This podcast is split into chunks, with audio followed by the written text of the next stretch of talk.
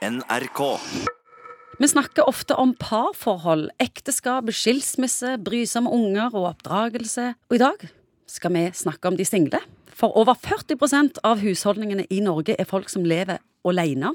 Færre gifter seg, og flere skiller seg, og så stadig flere blir single eller enestående, som jeg foretrekker å kalle det. Og psykolog Egon Hagen, hva er årsaken til at flere og flere blir single? Jeg tror at dette står på en bølge hvor vi på en måte vi rikker og river og sliter litt grann i de der ritualene, eller disse tatt for gittighetene som mange har, som vi hadde tidligere. Enten i forhold til hvorvidt unger skal døpes, eller du skal gifte deg i kirka, eller Og til dette med å leve alene, og f.eks. å velge å ikke få barn, det er det mange som gjør. Også, Men blir mer kresne? Ja, kresne. Og så er det jo sikkert også mange som, som ser jo på at det der ekteskapsgreiene er jo ganske problematisk. altså. Det er jo ikke Det er mye jobb. Det mye jobb, ja. sant? Og det går dårlig sånn for halvparten, i hvert fall, tror Så kan det være mer spennende å leve à la carte. Ja, sant. Og men klart at det, liksom det der med, det er jo en trygghet og en forutsigbarhet i det å være gift og liksom å våkne opp med samme kone hver dag. Men mange sier at det der, eh, de vil ha andre ting ut av livet, egentlig, enn denne forutsigbarheten. Og folk står friere til å regissere sitt eget liv sånn som passer dem. Dansk forskning viser at de single nå vil ha et liv med mer kvalitet. Ja, og hva som er kvalitet, det er jo en subjektiv greie. Men jeg synes bare det at vi kom dit hen at folk sier at eh, jeg stiller meg fritt i forhold til tradisjonen. Jeg vil ha et aktivt forvalteransvar i forhold til det, det livet jeg, jeg velger. Jeg hørte på radioen fra litt siden her ei dame som skulle sterilisere seg, som var 28 år. og spør reporteren ja, men er ikke det risikofullt. Så jeg, nei, det var mye mer risikofullt for meg faktisk å kunne komme i den situasjonen at jeg får et barn. For det ønsker jeg aktivt ikke.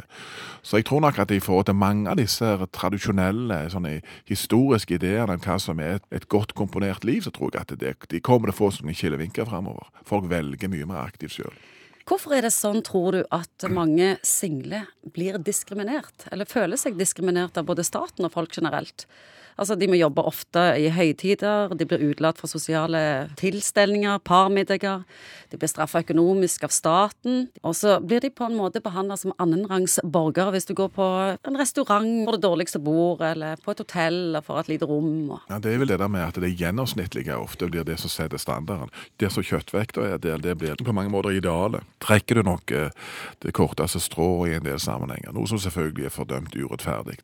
Men jeg er sikker på at det kommer til å bli endringer der. Vi tror at veldig mange flere vil velge ha mer aktivt forvalteransvar. i Da er du helt enig med danske forskere, for i samme tidsskriftet som jeg tok dette ifra, der står det at eh, fordommene er på retur. De single vil bli en større og større gruppe og ta mer og mer plass og få mer og mer respekt. Ja, det tror jeg nok. Og klart Med en gang det, det blir en økonomisk eller en, en Altså mange går den veien, så klart at da vil jo leverandører av ulike tjenester og på en helt annen måte måtte ta høyde for dette.